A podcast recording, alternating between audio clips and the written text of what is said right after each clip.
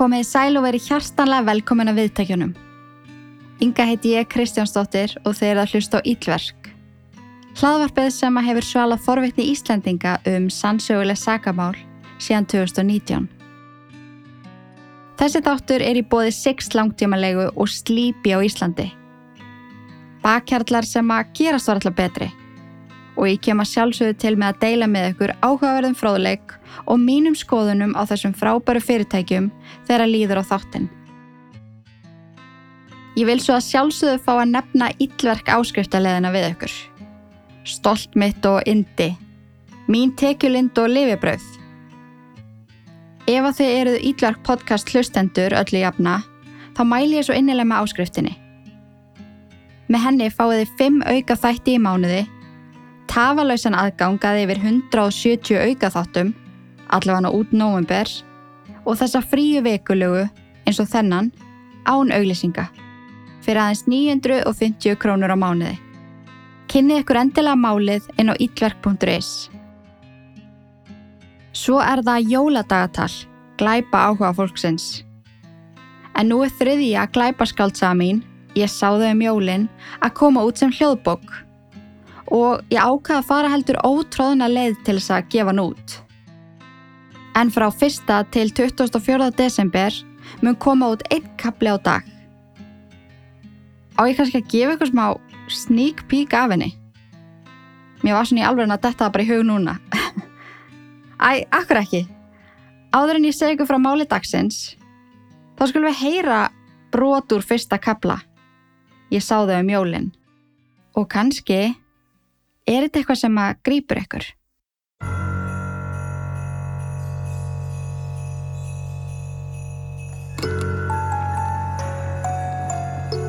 Þú ert að hlusta á glæpaskaldsöguna Ég sá þau um jólinn Eftir Ingu Kristjáns.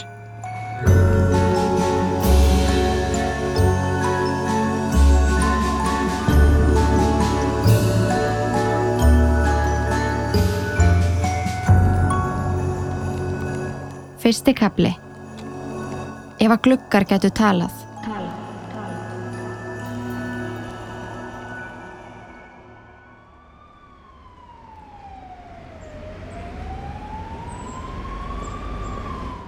Veggir, þög og glukkar heimila í Tómasarhaga í Vesturbænum endurkostuðu björstum, blikkandi ljósum, lauruglu og sjúkrabíla þannan desember morgun.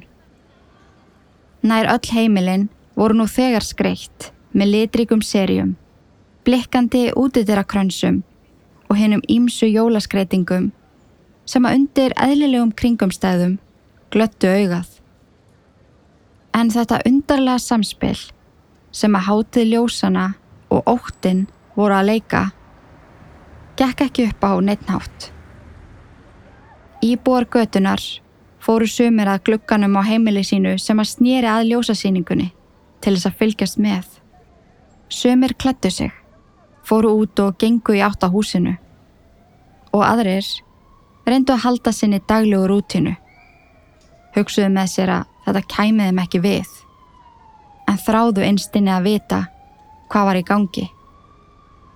Lauruglubílarnir sem að hafðu í fyrstu verið tveir talsins urðu fljótlega fimm svo tíu og lauruglu þjónar hver á fætur öðrum gengu inn á heimilið. Íbor sem að fyldust með tóku eftir því að þeir stöðfuða allir inn í einu rými heimilisins sem að snýriða götunni. Þeir horðu niður á gólfið og bentu. Þetta sá íbúar í gegnum glukka á heimili sínu. Þar til að allt í einu, líkt og eitt lauruglu þjónana hafi fundið augu íbúar stara á sig dregur gardinunnar fyrir. Eftir að hann hafi lokið sér af í þessu sérstaka gardinuverkefni sem hann tókað sér, sást ekki um neina glukka húsins. Eitt lauruglu þjótt sá maður standa vörðum húsið. Hann mætti þeim með daufu brosi sem að gengu til hans og spurðu hvað var að gerast. Hann gati ekki veitninar upplýsingar, bað bara fólk vinsamlegast um að virða störf lauruglu og býða þólinnmóð eftir svari við spurningum sínum. Svarið kæmi á endanum. Þeir íbúar sem að voru ekki í vinnu þennan daginn fyldust með gangi mála út í glugga uns það fór að byrsta. Margir kíktu ítrekkaðin á frettameðla í þeirri vonum að fá eitthvað svör. Á fórsíðu stærstu frettameðlana byrstist frett klukkan 12 hádegi, fjórum klukkutímum eftir að fyrsti lauruglubílinn namn staðar fyrir utan húsið. Efst í frettinni mátti sér ljósmynd af Tómasarhaga götuskiltinu og eitthvað um að stór hluti laurugluþjóna á vakt í Reykjavík séu núna staðsettur á heimili í Vesturbænum, mögulegum glæpavettvang. Þótt að frettin segði ekki mikið, kom hún orðinu glæpavettvangur inn í huga þeirra sem að lásu. Íbúar sem að hafðu sittið stjarfir við gluggan og fylst með, kölluðu til hinna sem að hafðu lagst aftur upp í rúm eða farið að gera eitthvað annað. Þegar að rauð Toyota Yaris bifreið egur hrattinn götuna og nemur staðar rétt á heimilinu umræta. Rúmum 20 mínútum eftir að frettinum glæpavettvang í Vesturbæ byrstist á frettameðlum.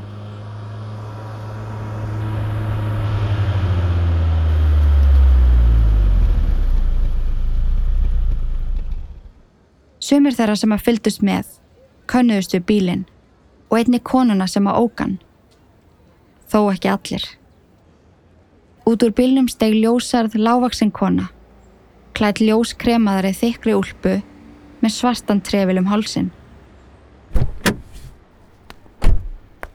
Hún misteg sig á gangstéttabrúninni og var nærið því dottin en var fljóta rétta úr sér og hljópi átt til laurugluþjónsins sem að vaktaði húsið. Laurugluþjóttin tekur öðruvísi á móti henni. Allir sem að hafðu nálgast hann þennan morgun fengur sama viðmót. Stutt svör, litla líkamstjáningu, en þetta daufa brós. Konan fær ekkert brós. Hann horfir á hana alvarlegur og tekur um báðar axlir hennar. Konan bakkar í burtu frá honum og nýgur niður í götuna.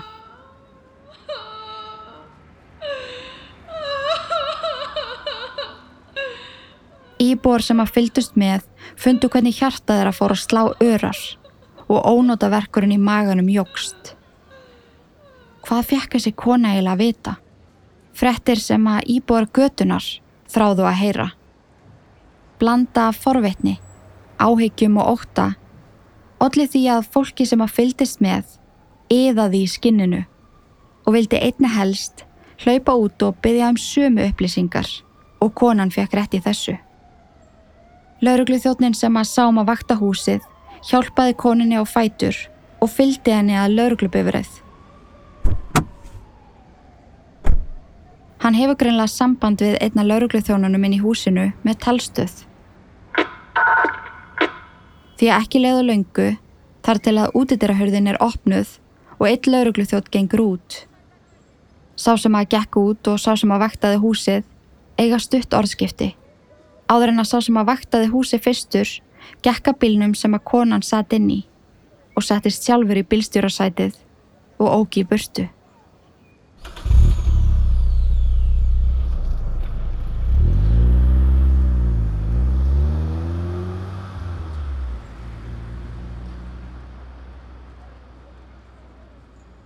Sá sem kallaðar var úr húsinu var nú tekin við. Klukkan eitt, eftir hádegi, eftir um að klukkustund af engum frettum og engu til að fylgjast með út um glukka heimilana í kring, taka íbúðar eftir svartri glukkalösri sendibifreið, aka inn götuna og nema staðar hjá húsinu. Út úr þeirri bifreið stíga tveir einstaklingar. Þeir opna afturhör bilsins og taka í saminningu börur út úr bilnum og bera henni íbúðarhúsið umræta.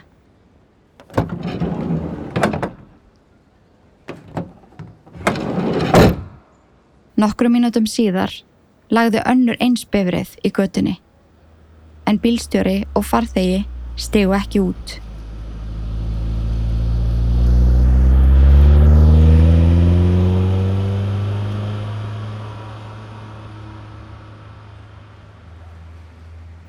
15 mínútur yfir eitt sjá íbúar sem að fyldust með, sín sem átt eftir að festast í minnið þeirra um alla tíð.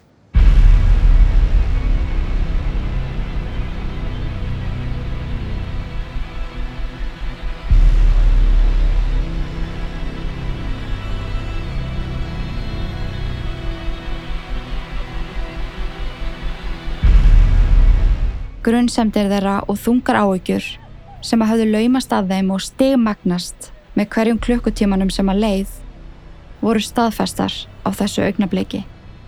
Þegar fyrsta baran var borin út úr húsinu. Á börunum var dökkur í langu póki, festur við börurnar við miðju. Um leið og fyrstu börunum hafi verið komið fyrir henni í fyrstu bifriðinni og hún ekin í burstu, lagði hinn svarta bifriðin sem að beð neðar í götunni á sama stað og nákvæmlega sama atbyrðarás fór fram. Þegar að súbifrið var farin, kom svo þriðja og þegar að þriðja var farin, kom svo fjörða. Það mátti heyra sömnald detta inn á heimilum að Tómasar haga. Íbúar sem að fylgdust með fundu fyrir skelvingu fara um sig. Er þau áttuðu sig á hvað var að gerast?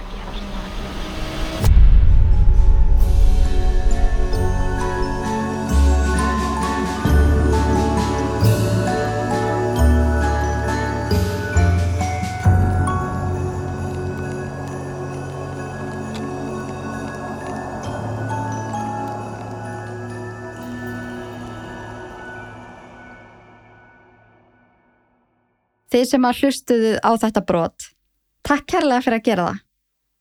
Ef að þetta hljóma spennandi, kíkið þó endilega inn á ytler.is og fáu ykkur aðganga að jóladagatalinu mínu. Ég sá þau um jólinn. En já, já, lengsta intro allra tíma er nú yfir staðið og ég held að við ættum að skella okkar af stað í þátt dagsins, sem að fjallar um ótrúlega áhugavert mál manns, sem að fjekk viðunafnið The Earthquake Killer. Herbert William Mullen.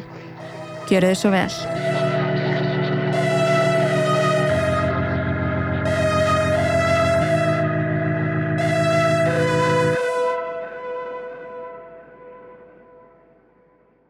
Herbert William Mullen fættist hann 18. apríl árið 1947 í Salinas í Kaliforníu.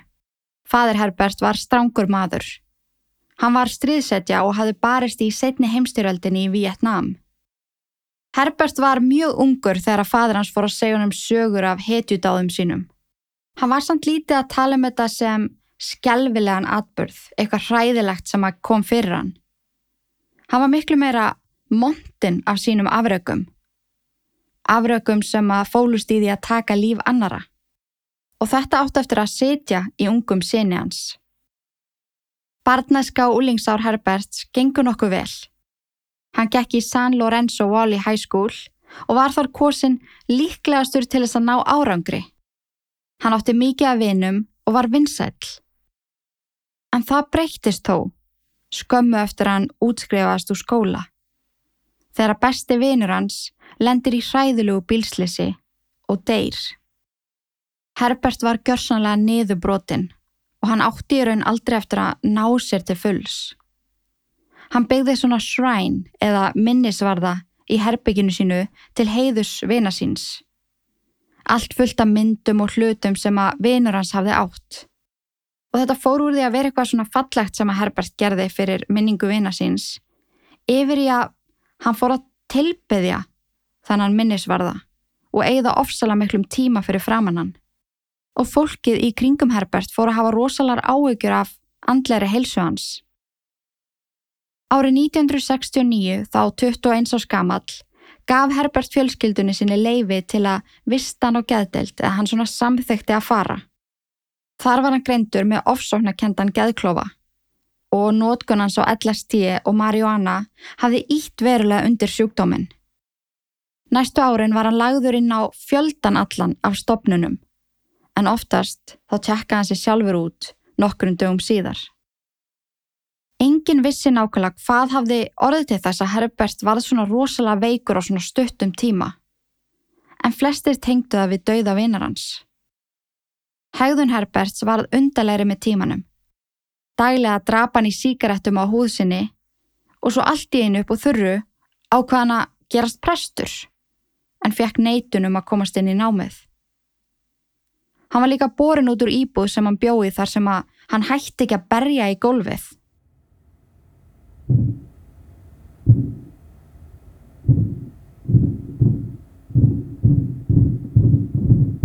Hann barði stanslust í gólfið, allan sólarringin og öskraði fólk sem var ekki til nema í hans eigin hugarheimi.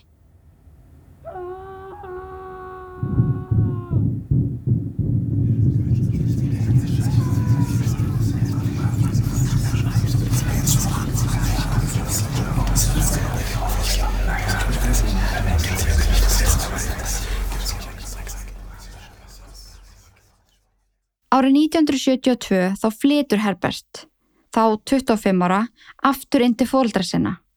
En hvorki þau nýja nokkur annar vissu hvaða skjálfilegu hugsanir voru í gangi í huga Herberts.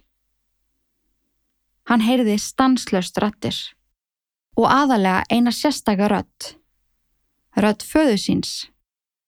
Hann var sannferður um það að fadur hans var að eiga samskipti við hann í gegnum hugaraflið. Röttin sagði honum að jarðskjálti væri yfirvofandi og eina leiðin til að stoppa skjáltan væri að fórna manneskjum. Þannig geti Herbert bjargað Kaliforníu. En hann trúði því og það var svona hans motto í þessu öllu saman og það var líka eitthvað sem að pappans átti að hafa sagt honum í gegnum hugaraflið var að stríði í Vietnám hafi gefið jörðinni nóa blóði sem fórn í ákveðin tíma og þannig komið í veg fyrir jarðskjálta. En núna var stríði búið og jörðin var ekki að fá sína fórnir. Hún er því reið og myndi framkalla jarðskjálta. En í gegnum tíðina þá skrifaði Herbert niður hvað þessar rattir voru að segja. Og þar voru til dæmis að segja Þú verður að drepa, jörðin þar blóð. Þú eitt getur bjarga Kaliforníu. Hvað eru nokkur líf til þess að bjarga þúsundum lífa? Það sem að ítti enþá meira undir þessar ránkugmyndir Herberts var ammalistagurinn hans, 18. apríl. Akkurat þann dag hafði orðið stórjarðskjálti í San Francisco árið 1906. Húnum fannst þetta segja allt um hversu alvarlegt máli var.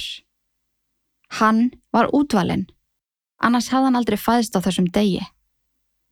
Hann varð að gera þetta og það var ekki eftir neinu að býða. Tímin var naumur og jörðin beigð eftir honum. Ef hann erið of lengi að bregðast við, kæmi jarðskjálti sem myndi tortíma öllu.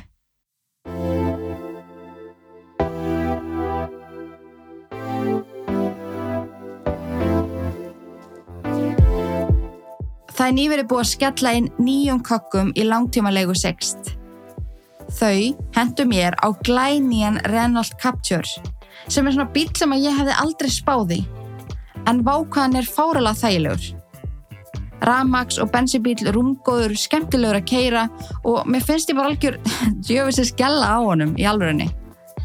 En núna eru þau hjá Sixt að bæta nýjum bílum og þeirra plan er að auka úrvalið af 100% Ramax-bílum því að öll stefnum við nú þangað að rúla um á Ramagni eins og, eins og sagt í ykkur allt annar auðlýsingu en kíkja endilega úrvalið inn á Sixt langtímalega. Það finna sér allir bíl við sett hæfi á góðu verði. Og hei, ekki gleyma að nefna það að þið séu að hlusta á ítlverk og þá munum meistararnir þannig að rissu upp góðan díl fyrir þig. Skoðuðu bíl á langtímalegu. Hagstætt og alveg fárulega þægilegt. Sixt langtímalega. Takk og bless.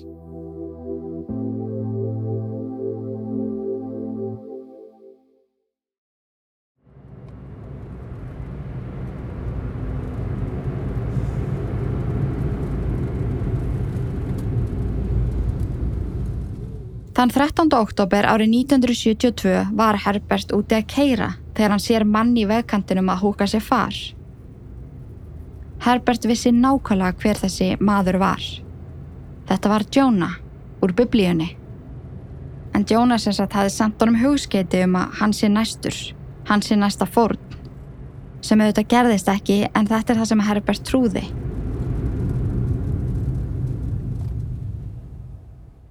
Herbert stoppaði bílinn hjá manninum og baði hann um að kíkja með sér á vélina því að það væri okkur skrítin hljóði henni. Um leið og maðurum beigði sig yfir vélina þá barði Herbert hann til bana með hafnaboltakilfu.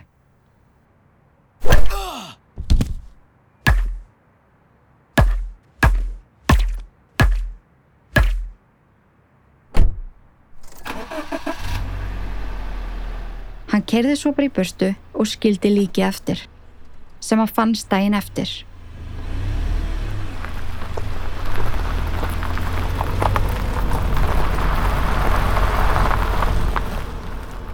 Og nei, þetta var ekki Jonah úr biblíunni, heldur heimilisleus maður að nafni Lawrence White. Þann 24. oktober árið 1972 þá stoppar Herbert aftur fyrir puttaling. En hann stoppar hjá henni 24 ára gamlu Mari Guilfoyle. Mari var að eiga mjög slæman morgun. Hún hefði sótt um í háskóla og fengið viðtal, en hún svaf yfir sig þennan morgunin og var mjög tæp á tíma. Hún ákvaði að húka sér far til þess að reyna að ná viðtælinu.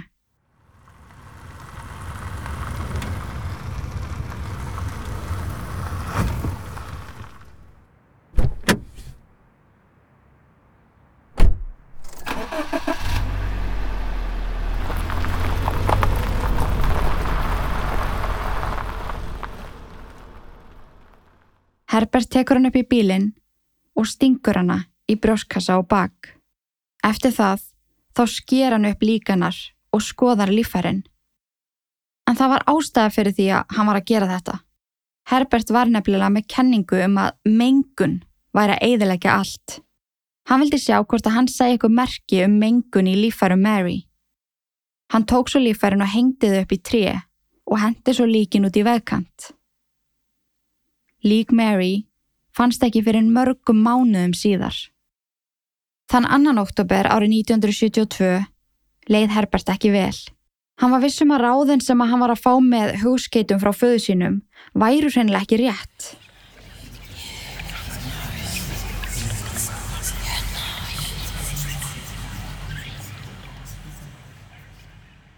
Hún vantaði annað álit og leiðbenningar frá ykkurum.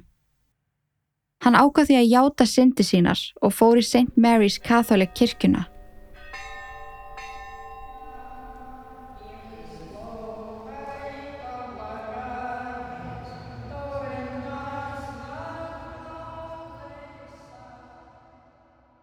Hann vildi vita hvort að presturinn erði sammálunum, hvort hann stittan í þessu göfu og verkefni. Um leið og hann lappaði inn í kirkuna, sá hann ljós lýsa yfir prestinum sem að sati inn í hjáttningar klefanum. Ljósið sáðanum að presturinn, Henry Tomei, vildi vera næsta fórnalambans og fórna lífi sínu til þess að bjarga jörðinni frá jærskjaldum. Herbert fer því inn í hjáttningaklefan þar sem að presturinn satt og stakk Henry til bana. Svo hljópa hann út.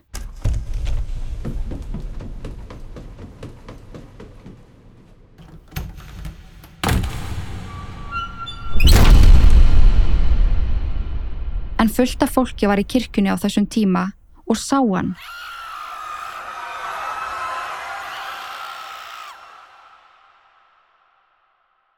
Láregla var kölluð til en lýsingin á Herbert frá vittnum var ekkert sérlega góð og að þetta tiltekna atvik fór ekkert lengra. Eftir að hafa mist prestin þá ákvað Herbert að ganga til liðs við bandiríska sjóherrin. Ótrúlegt hann satt, þá stóðst hann bæði líkamlegt og andlegt mat. Hún var hins vegar neita þegar að kom svo í ljósa hann hafi verið handtekinn fyrir smáklæpi. Þessi höfnun var bara óli á eldin. Samsæriskenningar og ránkugmyndir Herberts urðu verri. Hann trúði því að öllu var í stjórnabaku tjöldin af mjög valdamiklum hippum. Hippum sem að vildu ekki að hann væri í sjóhernum. Árið 1973 þá hætti Herbert að nota fíknefni því að hann var sannfærður um að vandamála hans væri komin til vegna fíknefna. Hann var samt ennþá að vinna með þá kenningu að drepa fólk til þess að það kem ekki jærskjálti og trúði því mjög innilega. Hann fer því að kaupi sér nokkra bissur og ákveður að drepa gamlan vin sinn úr skóla. Sávinur hétt Jim Ganera og hafði selgt honum gras í gamla daga, svo í rauninni þá var hann partur af vandamálinu. Hann hafði reynda að eiðilegja líf Herberts með þessu grasi. Herbert kerði heim til hans en Jim var lungu fluttur. En í þessu húsi sem hann hefði eitt sem búið í, bjó núna gömul kona Kathy Francis.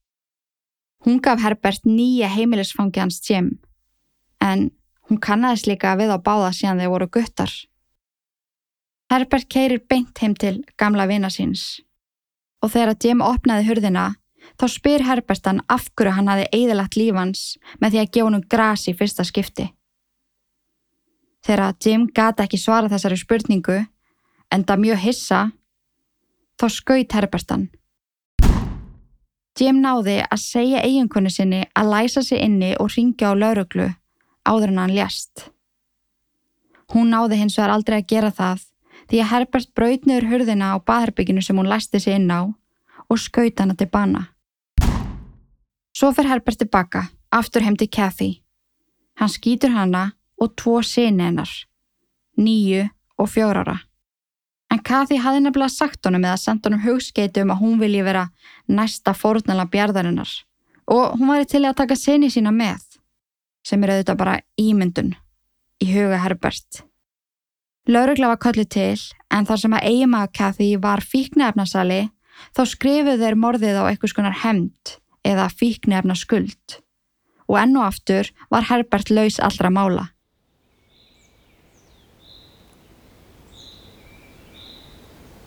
Rúmi mánuðu síðar var Herbert á vappi um Henry Cowell þjóðgarðin.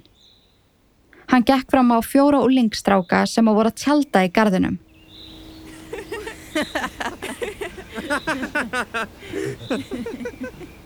Það var bannað samkvæmt lögum og Herbert ákveður að segja um að hann sé vörður þarna og þeir mættu alls ekki tjálta hann og þeir ætti að koma sér í burstu.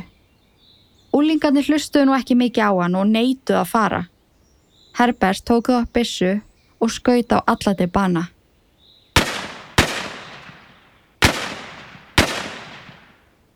Svo lappaði hann bara rólegur heim og lík drengjana fundust ekki fyrir en viku síðar. Dæin eftir var Herbert að keira í fínu útkvarfi þegar hann tekur eftir manni, hinn um 72 ára gamla Abby Perez. Abby var að vinna í gardinu sínum og reyta arfa. Herbert tekur uppeyju og kerði aftur niður göttuna.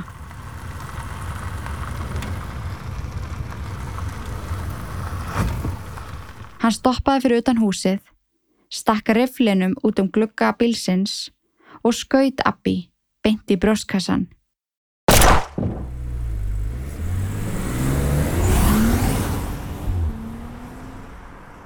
Abby deyr samstundis. Það voru mörg vittni af atveikinu og nágrannar náðu að skrifa niður númerið á bíl Herbert. Nokkrum mínútum síðar var lýsing Herbert og bílnumanns komið til allra lauruglumanna á sveiðinu. Og með þessari samstöðu tóka eins 15 mínútur á finnan.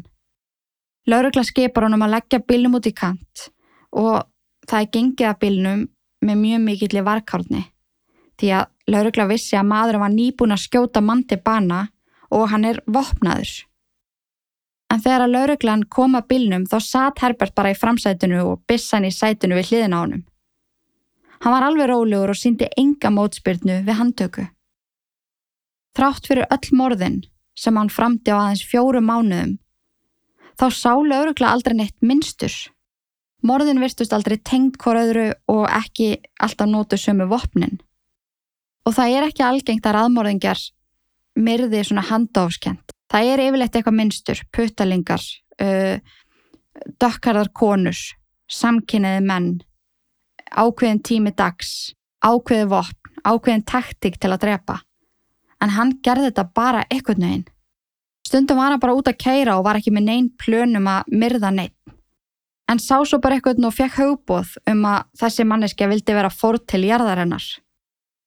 Það var líka eitt annað sem að gerði lauruglu erfitt fyrir að vita hvort að um raðmóringja væri að ræða.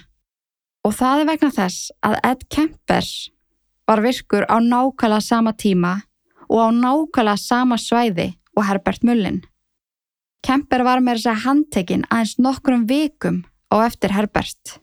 Kemper was arraigned this afternoon on charges of killing six young women, his mother, and a friend of hers over a period of time from May 7, 1972 to the 21st of this month. Réttuald Herbert Múlin fóru af stað 30. júli árið 1973 og hann fór inn í þau segur um tíu morð. Herbert hafði játa á sig öll morðin um leið og hann var yfirheyrður við handtöku. Þessi réttuhöld snýrust því um að úrskurða hvort hann væri sakhæfur vegna andlara veikinda eða ekki. Það var aðalega lögð áhersla á hvort að Herbert vissi munin á réttu og raungu og hvort hann gerði sig grein fyrir alvarleika glæpa sinna. Saksóknari var mjög harður á að í málum Jim Ginera og Kathy Francis hafi Herbert skipulagt morðin og vita hvað hann var að gera. Hann hafði mér þess að farið aftur heim til Kathy til að drepa hana og síninar því að þau voru möguleg vittni.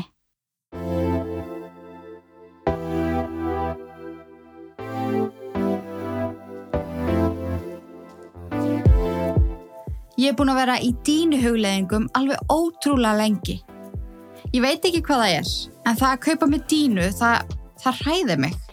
Ég fæ svo mikið svona framistöðu kvíða, eða svona, uh, hvað ef ég verði ekki ánað, eða hvað ef að ég er ánað fyrst og svo fer það að dala. Æ, ég veit það ekki. Ég hef einhvern veginn frestað þessu ótrúlega lengi.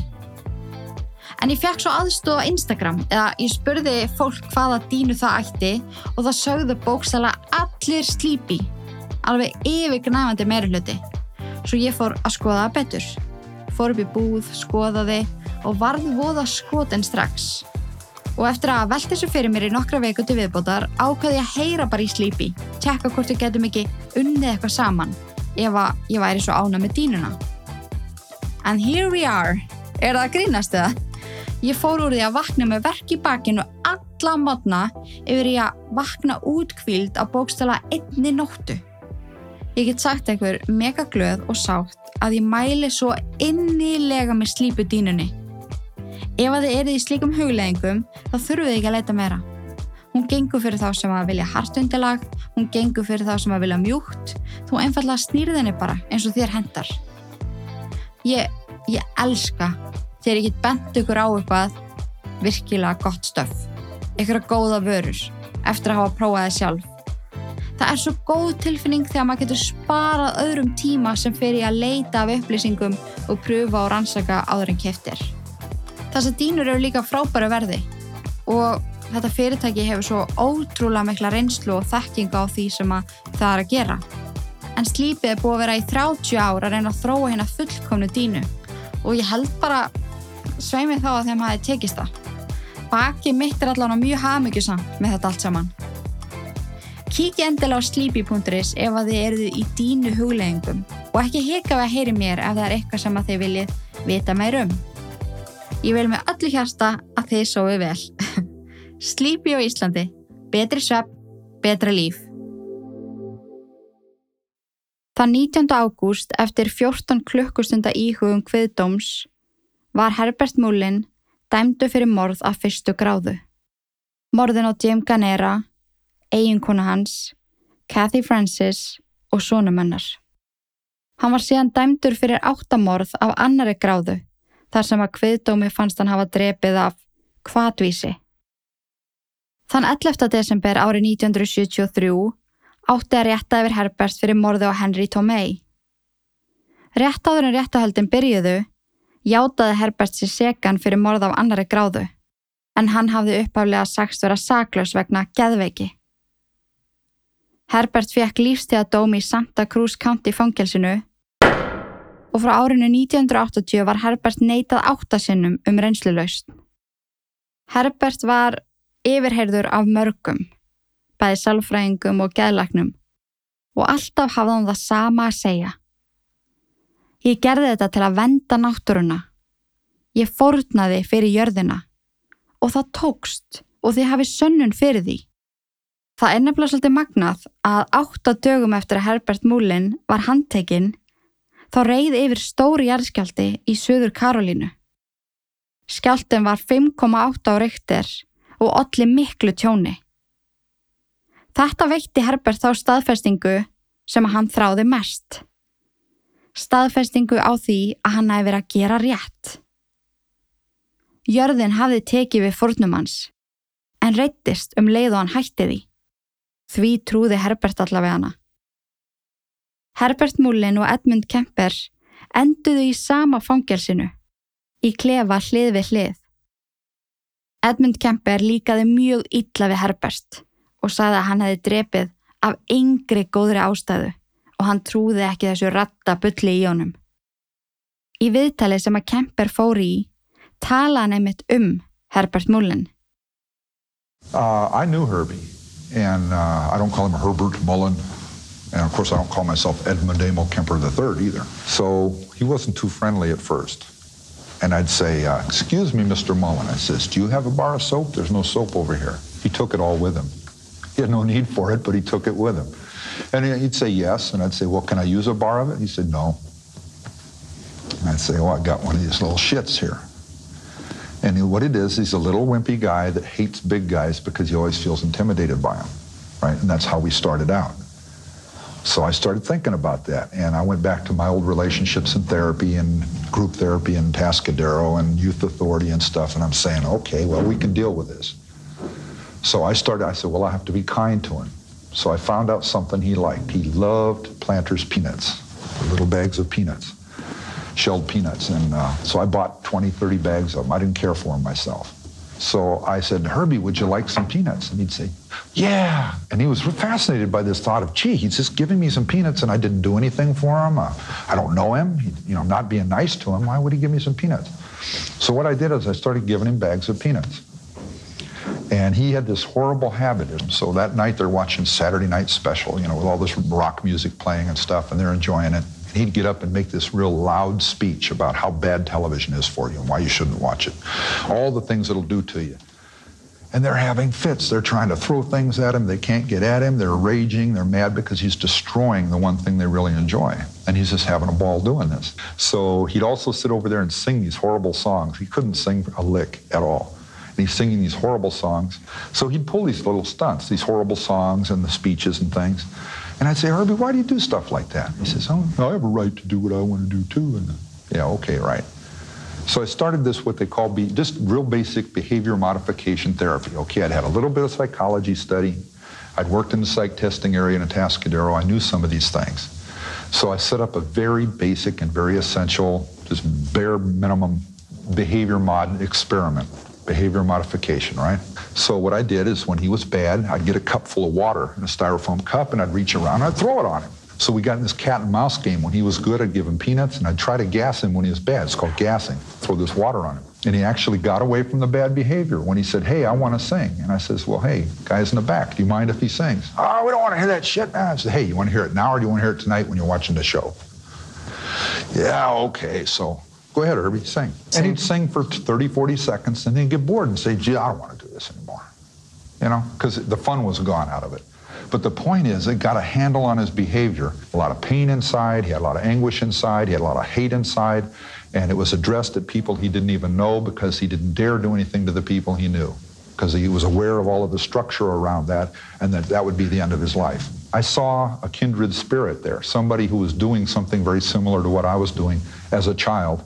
He went to mental institutions and he went through this these processes where these doctors told him what was wrong with him and these doctors treated things that they decided were wrong with him. And he just sat back very passively and went through these treatments and they had almost no effect on him because he didn't dare say what was really going on in his head. Herbie don't give me that bullshit about earthquakes and don't give me that crap about uh, god was telling you.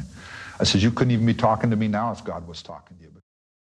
Herbie var með þennan leiðilega ávana að syngja stanslust og ángra fólk þegar það var að horfa á Þannig að ég skvetti vatni á hann til þess að þakka niður í honum. Eftir að ég gerði þetta nokkur sinnum, var hann góðu strákur. Ég gá hann líka netur. Herbie elskaði netur. Og þetta gekk bara nokkuð vel þar sem að hann byrjaði mjög fljóta að byrja mig um leifi til þess að fá að syngja. Og þetta er eitthvað sem að ég kalla Behavior Modification Treatment. Hann var að klíma við mikinn sársauka hefði innra. Það var mikil örvænting. Hann hafði svo mikinn hatur inn í sér að hann tók það út á fólki sem hann þekkti geinu sinni. Hann þorði þó aldrei að gera neitt við fólki sem hann þekkti. Hann er samt að ykkur leiti svipaði mér. Við vorum báðir settir á stopnannir. Ég sagði einu sinni við hann, bara Herbie, ég veit hvað gerðist.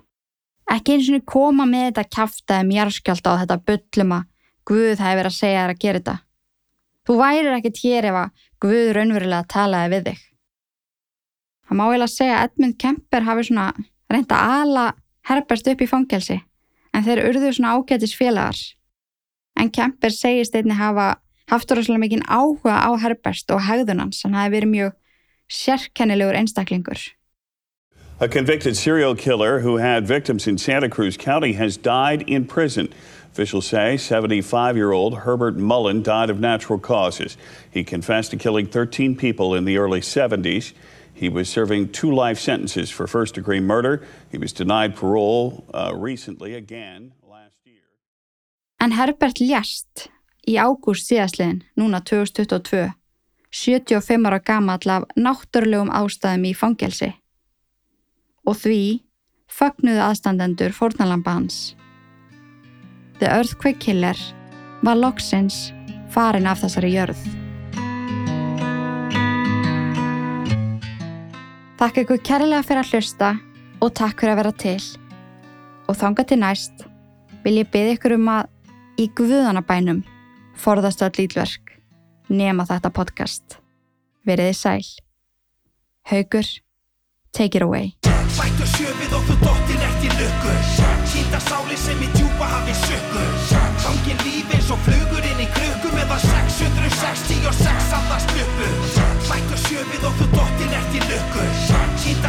Sem í djúpa hafi sökku Fangin líf eins og flugur inn í krukku Meðan 666 andast uppu Þegar úti fyrir að dimm og frostin ístir inn að beini. Engin engil sem að veiti verði í eðulögðum heimi Sem að lagðist í eði með heift og sakleysingjar týndu lífum.